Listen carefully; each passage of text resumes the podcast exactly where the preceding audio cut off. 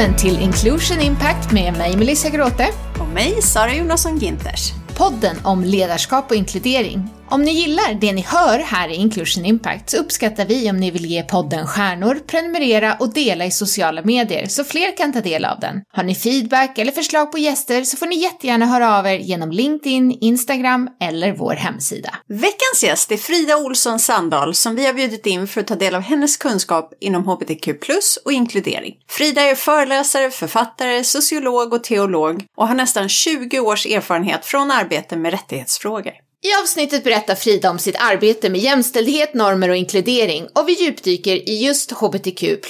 Frida förklarar begreppen, vad plusset står för och vilka de vanligaste missuppfattningarna är och hur ledare kan ta sig an de här frågorna. Frida pratar om hur vi alla kan jobba på vår egen normblindhet. Viktiga pusselbitar är att vilja öka sin kunskap, förstå sin egen roll och vilka konsekvenser ens agerande kan få för att därefter kunna förändra. Vi pratar också om hur snällhet är en riktig superkraft, inte minst hos ledare. Nu hälsar vi dig välkommen till ett öppet och personligt samtal med Frida som är en perfekt gäst i veckans avsnitt av Inclusion Impact.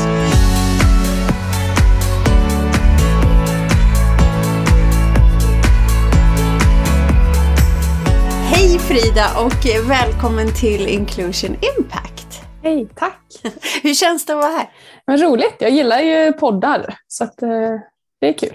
Ja. Eh, jättekul att ha dig här. Skulle du kunna börja med att berätta lite mer om din bakgrund och eh, vad det är du gör idag för någonting? Mm, jag är beteendevetare, jag har läst sociologi och jobbat med eh, jämställdhet och inkludering och hbtq-frågor och sådär i ungefär 20 år. Inom ramen för olika organisationer och också som egenföretagare.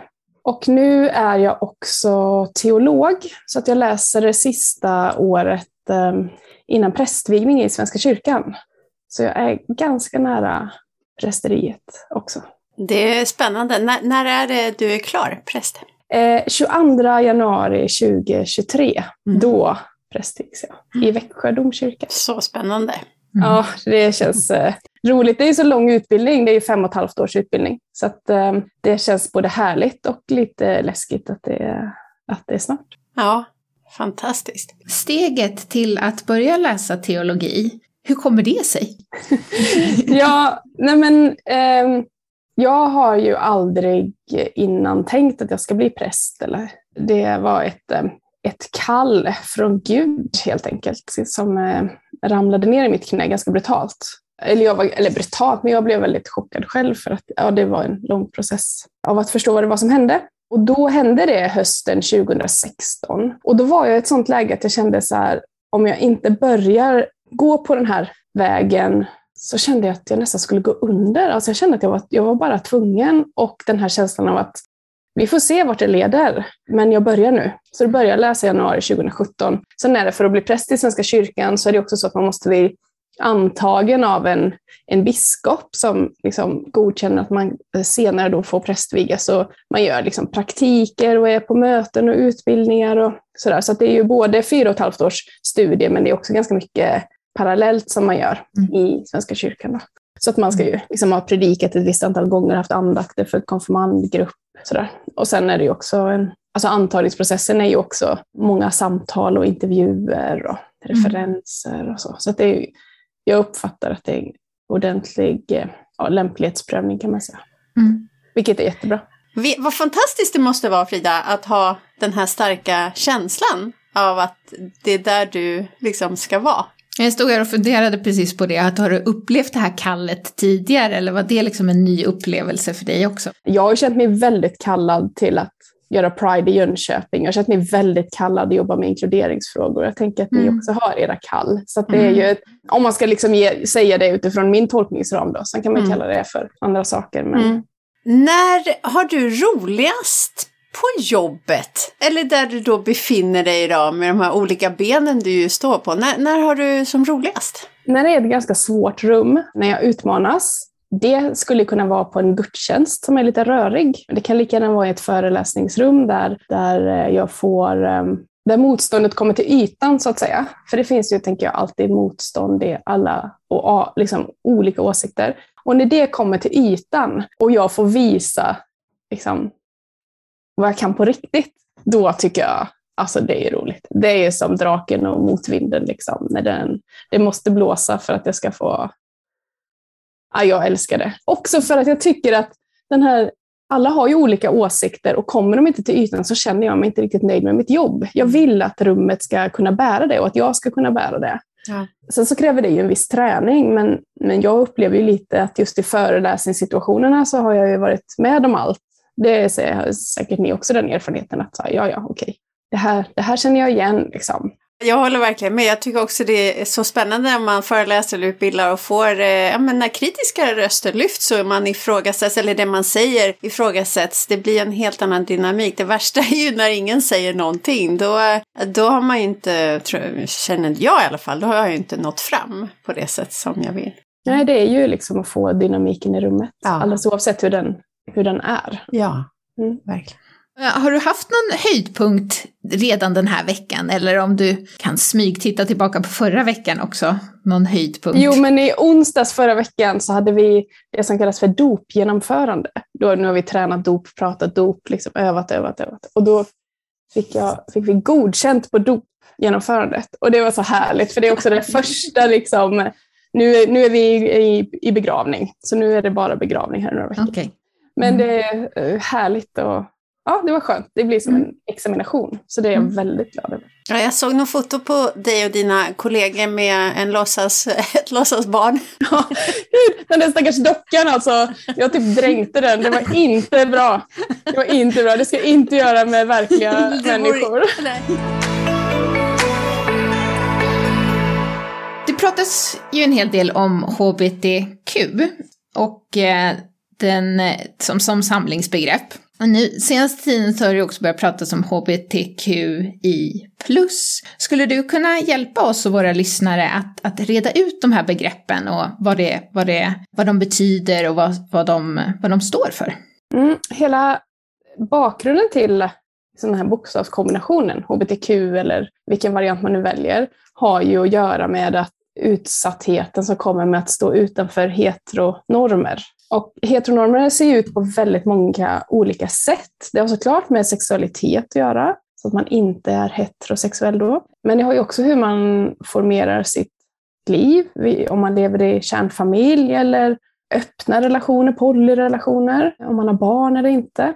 Sen har det också att göra med könsidentitet. Heteronormerna förutsätter ju att det är två, två liksom helt olika kön och att det bara finns två. Och det vet vi att det inte är så. Så uppdelade är inte människorna, det bara finns två varianter. Så de där bokstäverna har ju liksom utvecklats över åren. Eh, det här i som nu används, det står för intersex. Och det är ju alla personer som av olika, på olika sätt bryter mot medicinska normer för kön. Och det kan man ju göra genom att eh, kroppen producerar eller inte producerar det hormon som sådär liksom förvänt, vi förväntas göra. Mm, men det kan också vara så att inre och yttre könsorgan inte eh, har utvecklats linjärt, det vill säga att man, man kanske tror att, eller tänker att man är kvinna och så blir man gravid och så blir man inte det och så kanske man upptäcker att inne i kroppen finns det testiklar istället för äggstockar till exempel. Men det kan också ha med kromosomer att göra. Jag fick lära mig att det bara fanns två uppsättningar kromosomer, men så är det inte heller utan det finns flera olika varianter. Så där är ju intersex och en del interpersoner, intersexpersoner identifierar sig också som transpersoner, det vill säga de finns under det paraplyet. Men en del intersexpersoner är ju mer så här, min kropp producerar inte det här hormonet, jag behöver få det hormonet tillsatt och sen är det fine. Så det finns en väldigt stor bredd där. Men det man kan säga är ju att vården som intersexpersoner kan behöva är ju också liknar ibland den som transpersoner behöver om man behöver ha könsbekräftande vård. Så därför är det där då. Och där kommer ju också in det här med liksom fler juridiska kön till exempel. Så. Och det här plusset då?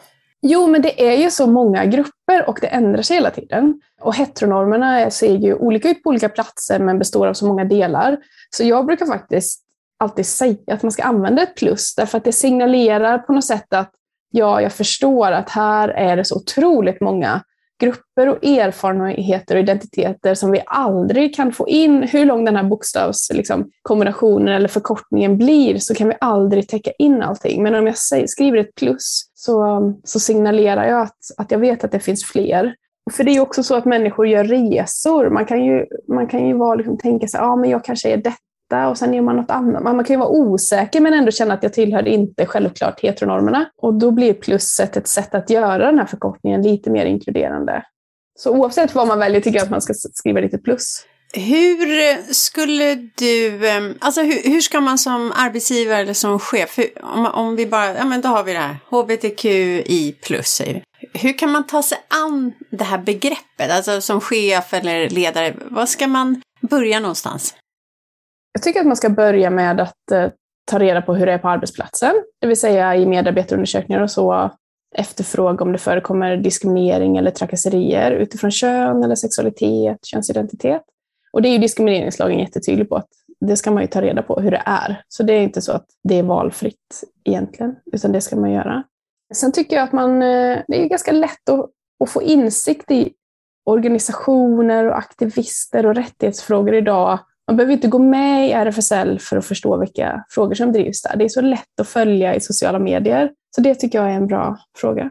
Eller liksom ett bra sätt att göra det på.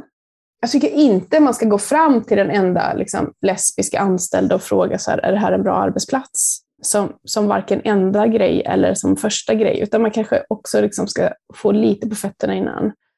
För att det är ju, det är klart att eh, de anställda kan ju utse någon representant och då är det okej att fråga den. Men annars så kan ju ingen människa någonsin representera en hel grupp. Alltså det är ju som att få in en kvinna i en styrelse med bara män och fråga så här, hur är det att vara kvinna här? Mm. Alltså det kan ju den personen aldrig svara på. Den kan bara svara på, för mig är det så här. Så det tycker jag är viktigt att man är lite noga med vem som representerar. Eller så här, jag pratar med den här personen och den sa att allt är så himla härligt här. Och så är det det. Det liksom räcker ju inte. Nej. Bra påminnelse att skilja mellan person och vilken roll man tar sig an som representant för en större grupp.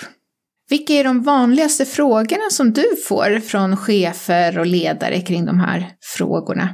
Ja, men det kan nog vara den här osäkerheten. Hur, vi, hur vet jag om, om folk känner sig välkomna här? Eller den här frågan, här finns ju ingen homosexuell, så då behöver vi väl inte jobba med detta. Eller hur tar jag reda på det? Mm. Det är en ganska vanlig fråga. faktiskt man inte, just som, alltså, apropå den här förra frågan, var ska jag börja någonstans? Mm. Och det kan ju vara så att man inte har någon som är öppen just idag. Men jag tänker att alla arbetsgivare vill ju ha de bästa anställda. Och man är inte bra eller dålig anställd beroende på vilken sexualitet eller könsidentitet man har, utan man är ju där för sin kompetens och hur man bidrar till, till laget. Då vill man ju kunna locka till sig de bästa också. Tror du att det finns, eh, för, vi har ju pratat med lite olika gäster i podden och just det här kopplat till en rädsla att man ska säga fel eller göra fel och om man inte kanske har koll på de här begreppen alla gånger och så vidare. Ser du det också att det finns kanske en rädsla eller oro och att det i sin tur då kanske begränsar chefer till exempel eller ledare i frågorna? Att det blir att man kanske inte gör någonting alls då? Ja, men det tror jag. Och det är också en av anledningarna till att eh, min bok inkluderar börja med en ordlista.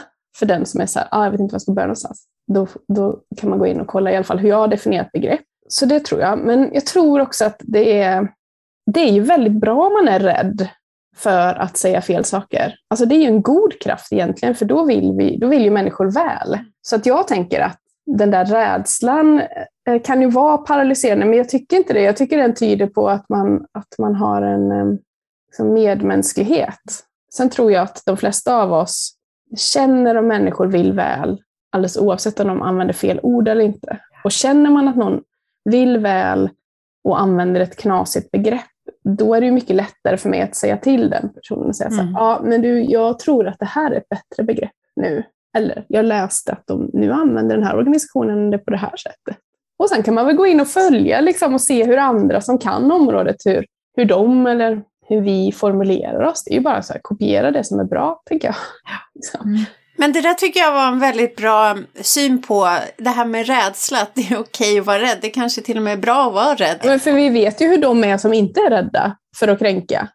De vet vi, de bara dönar ju på. Liksom. De, har ingen, ja. de har inte något intresse av att eh, fånga upp signaler eller vilka begrepp andra människor använder eller om de sårar folk på vägen. De skiter ju i det. Liksom. Mm.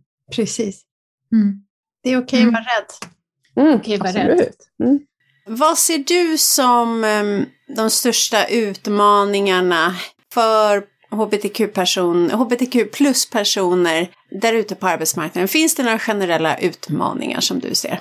Men det är ju att skapa trygghet. Jag är så inne på det där nu att ingen människa kan prestera väl eller utvecklas om man inte känner sig trygg. Och då kan det ju vara särskilt för hbtqi-personer att man känner att man inte ska behöva lägga energi på att dölja sitt liv, till exempel. Eller vara orolig för vad som händer om jag avslöjar mig. Eller att jag inte kan vara säker på att chefen har min rygg.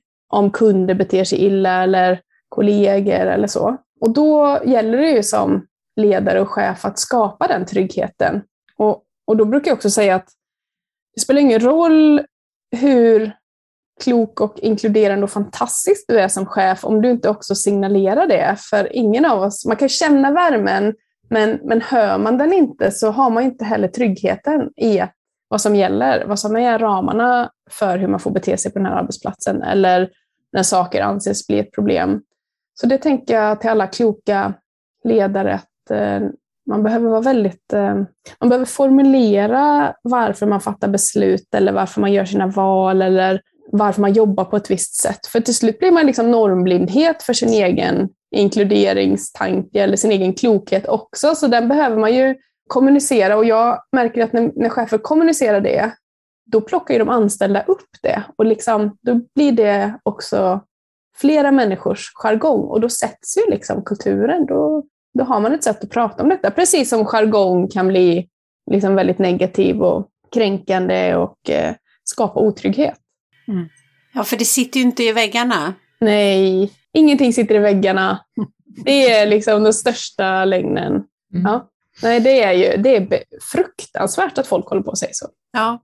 Och... Jag vet att det finns otroligt komplexa organisationer där liksom kulturen är osund. Men det är fortfarande inte så att det sitter i väggarna. Och den fantastiska roll ju som ledare har i att alla de här exemplen du gav verkligen leda genom att agera verkligen tydligt och, och där också i, i och med det då också visa för andra hur, hur vi gör på just den här arbetsplatsen. Men det kan vara bara en sån enkel sak som att så här, vi har vårt APT, det börjar klockan 13. Det är de här fem punkterna som ska hanteras. Vi slutar klockan 14. Den här personen har jag utsett för att skriva minnesanteckningar. Den här ansvarar för fikat. Nästa mm. gång är det någon annan. Mm. Alltså det är så enkelt, men det gynnar så många. Mm. Nu har du gett lite tips med att följa i sociala medier och, och, och ta reda på olika begrepp och sådär. Men hur skulle du, har du fler för tips hur man generellt kan öka förståelsen och kunskapen kring hbtq plus personers vardag? Jag tänker att man behöver fylla på med kompetens, man behöver uppdatera sig regelbundet. Och det kan ju vara utbildningsinsatser eller att man läser en bok eller tittar på en film eller vad som helst för att förstå människors livsvillkor. Så det behöver man ju ha en regelbundenhet i. Och sen tänker jag att alla vi som vill inkludering behöver ta reda på var vi är någonstans själva i det här liksom sociala spelet. Förstå att ja, men jag är medelklass, vit, eh, hetero, har en funktionsnedsättning, alltså vad den är, liksom, och, och fundera kring vad det får för konsekvenser för mig. Vem jag omedvetet gillar för att den är likadan. Och, och det är ju ett arbete som är ganska svårt och där tror jag att min största frustration, och, eller liksom min största så här, det här, att det här är lurigt, för vi är så olika bra på att reflektera och analysera. Och jag märker att den här metoden är ganska, bygger ganska mycket på att man kan se sig själv utifrån. Så det, det är någonting som jag går runt och klurar på nu. Hur gör vi med alla som, inte, som vill inkludering men som inte har koll på sig själva eller kanske inte vet riktigt vad finns det för... Mm. Det finns ju massa spännande metoder, men just det här... Alltså det blir också en klassfråga, tänker jag. Att kunna analysera och eh, ställa sig utanför och hålla på sådär. Mm. Mm. Har du identifierat några saker som, så här, du sa att det finns olika metoder och sådär, är det något du har sett funkar bättre Mitt bästa sätt för att förklara hur, vad det får för konsekvenser att vara en del av normen är att använda fisken. Och det är liksom en, eh, en bild som jag har som jag använder jämt för att jag märker att den är så lätt att ta till sig och man gör den till sin egen och så. Och tanken bakom den det är ju att eh, fisken är den sista att upptäcka havet. Och det är ett kinesiskt ordspråk. Och då är ju havet den där normen som finns. Och är man fisk i det där havet så ser man inte normen. Medan den som inte tillhör normen är plågsamt medveten om alla gånger som det kommer upp hinder eller man blir exkluderad eller osynliggjord och så.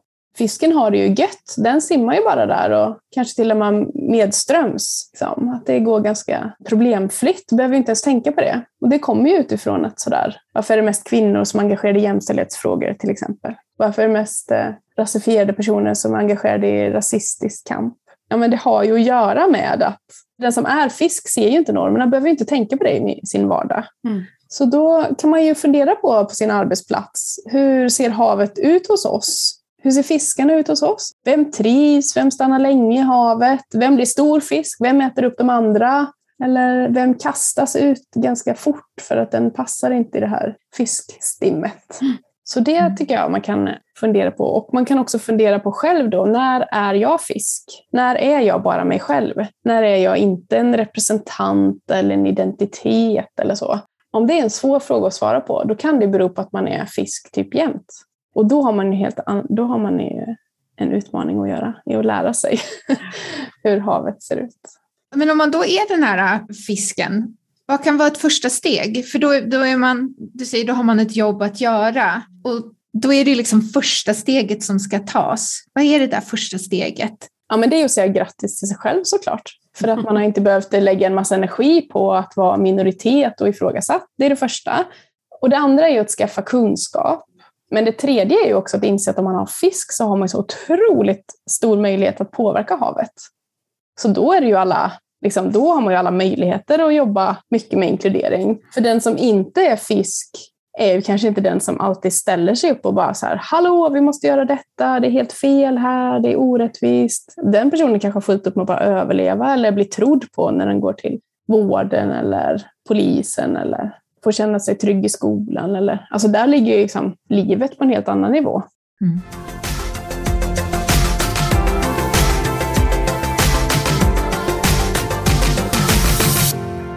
Frida, nu har vi kommit fram till våra tre snabba frågor med tre snabba svar. Och den första är, vad är du stoltast över i ditt arbetsliv? Jag är stoltast över mitt eh, otroligt ideella engagemang som initiativtagare till Jönköpings första Pridefestival. Och så är jag också väldigt stolt över att jag har ett jobb som jag inte ens visste fanns. Att jag skapat min egen eh, konsultroll. Det tycker jag är häftigt. Så häftigt. Mm. Vad tycker du är svårast med ditt jobb?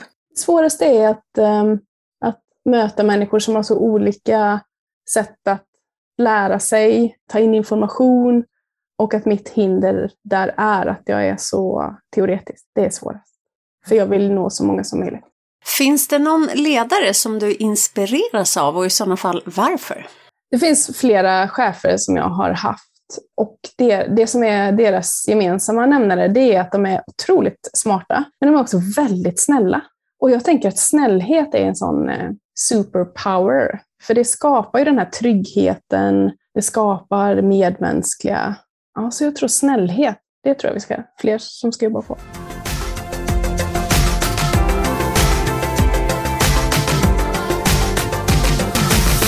Du har pratat om psykologisk trygghet och nu pratade du också om snällhet. Om du skulle summera ihop vad inkludering är för dig? Och det är ju att människor blir sedda som människor. Att, um, att vi får komma som hela oss själva, för då tror jag att vi gör ett bättre jobb. För att um, om, man, om man bara blir sedd som en del i en kedja eller bara blir sedd som chef eller bara blir sedd som administratör, då skapar vi liksom inte den där kopplingen mellan människor som gör att vi också vågar utvecklas. Och vad kan man då tänka på som ledare eller chef för att skapa sådana här miljöer där alla kan vara sig själva och känner sig trygga att vara sig själva? Fler kunde testa och säga hej och eh, kanske le till varandra liksom. Till, wow, nu kommer en katt. jag har faktiskt varit på flera utbildningar med olika arbetslag och där man har kommit fram på slutet att liksom en slutsats har varit att vi ska börja hälsa på varandra. Och det är ju väldigt tydligt i hierarkiska organisationer, att man hälsar inte på chefen förrän chefen har hälsat. Sådär. Och det är ju helt absurt tycker jag. Mm. Och vi vet också att hierarkier ökar risken för trakasserier till exempel och dålig arbetsmiljö. Så man måste försöka platta till det. Och då menar inte jag att det ska bli otydligt i ansvarsområden, men man behöver försöka hela tiden mötas på en mänsklig nivå. Så mm. säg hej till fler och eh, le. Och mm. sätt dig vid ett annat bord i fikarummet. Mm. Säg hej, le och sätt dig vid ett annat fikabord i, eller vid ett annat bord i fikarummet. Mm. Mm. Återigen, det behöver inte vara så stora saker ju. Alltså för det här med hej, det tycker jag också är tydligt just när man kommer som extern person till arbetsplatser. Ifall folk hälsar, då har man en ganska bra indikation faktiskt på hur, hur det står till. Liten handling, men den har sån stor betydelse. Och då tänker jag, tänk att det finns så många människor som går till arbetsplatsen varje dag där människor inte hälsar på varandra. Alltså mm. jag får, får liksom ont i hjärtat av det. Det är helt obegripligt plågsamt, tänker jag, att det inte blir sett. Mm. Är det något annat i de här miljöerna som du ser kännetecknar just alltså en inkluderande miljö? Finns det andra aspekter som du skulle beskriva sådana miljöer med eller utifrån? Det är ju ett systematiskt arbetssätt. Att man inte släpper frågan, att man kan jobba med inkludering utifrån olika perspektiv att man kanske också tar frågan där den är just nu. Är det Pride-festival i stan, då kanske är det ens ingång. Sen eh, nästa år, då är det någonting som snurrar i media kring rasism, ja men då kör man det. Liksom, man, måste inte, man måste inte kunna allting om allt hela tiden, men man behöver he, liksom, ändå ta steg. Det behöver inte vara jättestora grejer, men bara att man håller på. Mm. Det talas ju en del om greenwashing i olika sammanhang och också till exempel det här med Pride, att företag då, ja men då slänger de upp en regnbågsflagga i sin logga den dagen när det är Pride i den staden man är verksam i eller internationellt och sådär. Men räcker det? Nej, det är klart att det inte räcker. Men det som händer när man sätter upp den där flaggan, det är ju att det startar en massa diskussioner. Så jag vill nog ändå se att även om det bara är den där veckan som man flaggar och att man anklagas för pinkwashing, då, ja, men då får man ju stå till svars för det. Då förs en diskussion och någon har ju ändå beställt flaggan och satt upp den och kanske kommuniceras det någonting. Så det, processen händer ju då. Så att eh, hellre att bara sätta upp en flagga och så, får man, så kommer det leda till någonting än att inte, göra no, att inte göra något för att vara rädd för att man gör fel eller för att det bara blir för lite. Jag såg jättetydligt när jag jobbade med Pride här i Jönköping att de som första året bara satte upp en flagga, nästa år hade en programpunkt och tredje året utbildade sin personal. Så det tror jag man också måste känna så här, ja men liksom, låt människor, eh, processer tar tid. Vi är ju många som är förbannade såklart för att det är så mycket elakheter, men, men så länge det tar, tar steg så har jag i alla fall dagar när jag känner mig hoppfull. Så kan vi säga. Ja. Inte alltid, ibland. Nej, men att göra någonting, förflytta någonstans, steg för steg. Mm. Jag tycker att det kommer tillbaka lite till det som du sa, det här kring med självreflektion också. Och utvecklingen, att det är samma sak i, oavsett om det är i personen eller i företaget, men att det blir den, den reflektionsresan på, på olika nivåer. Det tror jag. Det tror jag. Och det kan ju skapa liksom ilska då bland en del personal som säger varför flaggar vi när vi vet att det är liksom fem homofober som sitter i den korridoren då kan man ju, som anställd kan man också börja ställa krav på sin arbetsplats. Då. Ja. Jag tänker på det här med att det eh, pratas mer och mer om det här kring allyship, att liksom stå upp för, för varandra. Och det behöver ju inte vara där som ledare har man ju kanske en ännu mer framträdande roll, men det gäller ju medarbetare generellt. Har du några bra tips och medskick hur man kan tänka för att ta mer av en aktiv roll själv när man ser antingen stöttande, vad ska man säga, förebyggande stöttande, men också att, att reagera när det, när det liksom händer oschystheter på, på arbetsplatsen. Ja, men jag har ju ett eh, sätt att prata som förvirrar folk, som, som är ett väldigt tydligt, för mig väldigt tydligt ställningstagande.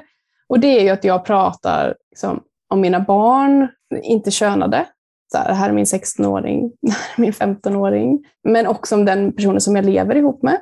Kan jag säga så här, det här är föräldern, den andra föräldern till mina barn, eller min kärlek i livet och så. Och då, blir, då tycker ju folk ibland att jag är svårplacerad. Ja, och då kan man ju prata om det. Varför det blir så himla besvärligt för dem att inte veta vem det är som jag lever med eller vad mina barn är för något. Liksom, och sådär. Så det tycker jag är ganska...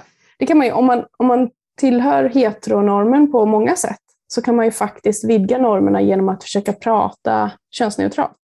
Mm. Det är ju också att lära sig ett nytt språk kanske. Mm. För då vänjer man ju fler. Då är det ju inte bara liksom den enda hbtqi-personen som säger min partner på arbetsplatsen. Då kan, då kan det vara många som gör det. Mm. Så Det tycker jag är ganska viktigt, sådär. att vara allierad. Sen är det ju att skaffa kunskap och ifrågasätta saker utifrån så här, om, om det här hade varit jag så hade jag reagerat på det. Eller jag har också suttit på möten och varit såhär, ni måste använda mikrofon. Ni måste använda mikrofon. Jag varit tjatat som en idiot. Till slut börjar jag se att folk börjar titta i mina öron efter hörapparater. För de kan inte förstå varför jag tjatar om det när det inte syns att jag har en hörselnedsättning. Och det, blir ju, det är ju väldigt, eh, liksom det är väldigt skönt för, för mig som människa om någon annan är med och drar kampen lite. För man, det är så jobbigt hela tiden vara den som påpekar när det inte är tillgängligt eller när det är exkluderande.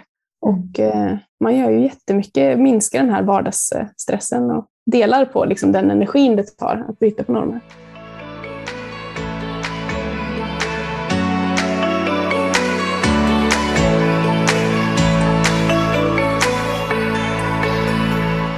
Vi pratade lite om ledarens roll förut. Är det något annat eh, du vill skicka med våra lyssnare, de som lyssnar som är ledare och chefer? Finns det andra saker eller mer saker de kan tänka på för att, bidra till de här inkluderande miljöerna? Jo, men jag tror att om man tänker att inkludering ska vara en speciallösning för en viss grupp, då kan det ju bli så här svårmotiverat. Jag tänker att man ska tänka att den mesta inkluderingen gynnar också en massa andra människor. Så det är ju en helhetslösning att jobba med inkludering. Sen kanske man behöver skaffa sig kompetens kring ett visst område, kring en viss maktstruktur. Men får man, får man tydlig inkludering för en viss grupp så gynnar det fler. Mm. Så det tycker jag att man som chef ska försöka komma ihåg att eh, vi gör inte det här för de här tre personerna, utan vi gör det för att vi tillsammans ska ha en bättre arbetsmiljö. Jättebra. Mm. Om vi blickar framåt, Frida, har du någon omvärldsspaning när det gäller ledarskap, inkludering och eh, främst inom då hbtq+. Det finns ju alltid en risk när världen brinner att inkluderingsfrågorna skjuts upp och jag kan förstå det liksom, utifrån att nu behöver något annat vår energi. Men det där inkluderingsperspektivet är ju någonting som, som vi alltid behöver ha med oss. Får vi massa fler medborgare till det här landet från Ukraina så kommer ju inkluderingen vara jätteviktig i det arbetet också. Få, även om man har skaffat sig den kompetensen kring genusfrågor eller hbtqi-frågor så har man ju fått med sig inkluderingstänket och normtänket och då har man ju redan tränat, då är man ju väl förberedd. Så det, det ser jag ju liksom som en spaning, att jag är både lite orolig men, men tänker också att jag hoppas att det kommer gynna, gynna arbetet liksom på flera områden. Men jag vet till exempel att när det kom eh, väldigt många nya svenskar 2015-2016 att jämställdhetsarbetet bara så här, oh, dalade i prioritering för kommunerna. Och jag fattar det. Men det är ju också sorgligt att vissa frågor så här, alltid är de som först plockas undan från dagordningen. Så det är inte självklart då längre. Så det, mm. det är väl en spaning och en oro och liksom en uppmaning att hålla, att hålla kvar det. Och det, det, jag tycker det också blir lite kopplat till det du sa innan just att det är ju dels ett arbete som är bra för alla och som bidrar till något bättre för alla i vilken miljö vi nu pratar, organisation eller samhälle. Men också det här att det inte, det är just därför vi inte får tappa fokuset på det.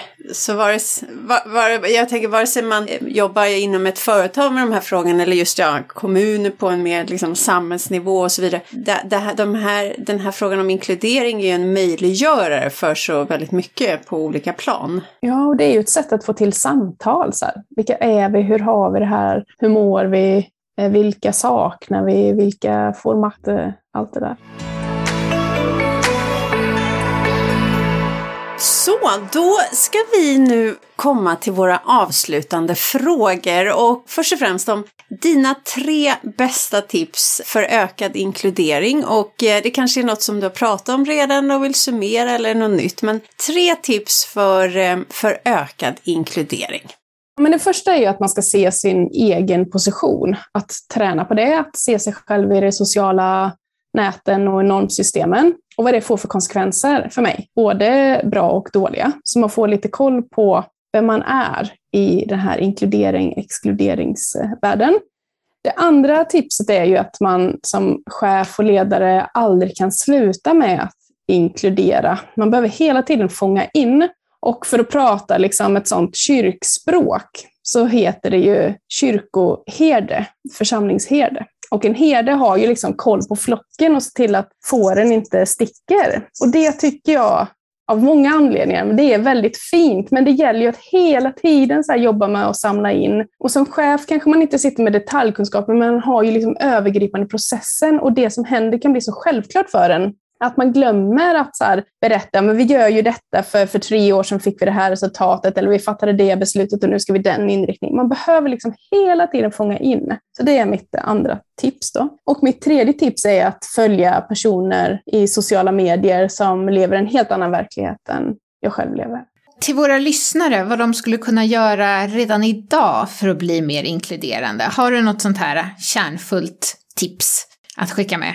Men jag brukar, ehm, när jag ser folk på stan, så brukar jag bestämma mig för att tänka så här, ja, ja, nej, men den personen lever ju med en som sitter i rullstol och den har precis tagit den här examen och de har sju barn. Alltså jag, jag hittar på någonting, bara för att få syn på vad jag själv har tänkt omedvetet, så tänker jag medvetna tankar om de personerna. Jag kallar det för att jag brukar queer-träna min hjärna. Ja men bra, så liksom uttrycka, verbalisera de där tankarna man får om andra när man ser dem för att testa kanske då, eller känna efter, tänka efter varför man tänkte så.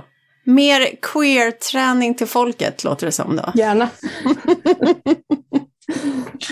Fint Frida! Stort tack för att du har varit med oss här i Inclusion Impact idag. Jättekul! Roligt! Härligt samtal med Frida. Och eh, det här med snällhet eh, tycker jag är ett spännande ämne. Melissa, har du någon, eh, någon spaning kopplat till snällhet? Mm, det här med snällhet tycker jag har kommit upp i, i olika sammanhang den senaste tiden och kanske framförallt i flera av de coachingsamtal som jag haft med olika ledare där jag pratat just om det här att man, sin egen bild av att vara snäll, vilja vara snäll och eh, även att ha fått feedback att vara snäll. Och då i samtalen, ja men verkligen försökt komma fram till vad snällhet är. För eh, det som har kommit fram som den största utmaningen för många det är att kunna ge tuff feedback, att kunna ha svåra samtal och samtidigt ha den här självbilden av att, av att vara snäll eller vilja, vilja vara snäll. Men genom att bena ut vad snällhet faktiskt är och att det är schysstare att agera och ge den tuffa feedbacken tidigare än senare så att det inte skapar mer problem för sin medarbetare eller liksom att man trasslar in sig djupare eller också det att ge någon tuff feedback kan mynna ut i att den personen kan lära sig någonting nytt, kan förändra ett beteende, hitta nya sätt, tillvägagångssätt att, att arbeta på för att kunna utvecklas ännu mer, vilket är snällhet. Så att snällhet är ett sånt här ord, men, men att ta sig tiden att definiera vad snällhet är för, för sig själv och hur, vilka beteenden det, det kommer ut i. Om det är önskvärda beteenden, hur man kan hitta att använda snällheten som en drivkraft i att göra saker som i det här fallet har svåra samtal. Att använda snällheten i det istället för att, att, det, att det blir ett hinder för en. Mm, verkligen. Nej, men, kloka ord och um det, det mynnar väl ändå liksom utifrån en, en välvilja om, om sina medarbetare. Det här med snällhet och ge feedback på ett bra sätt. Mm, precis. Tack för att du har lyssnat på veckans avsnitt av Inclusion Impact med vår gäst Frida Olsson Sandahl och mig Sara Jonasson Ginters. Och mig Melissa Gråte.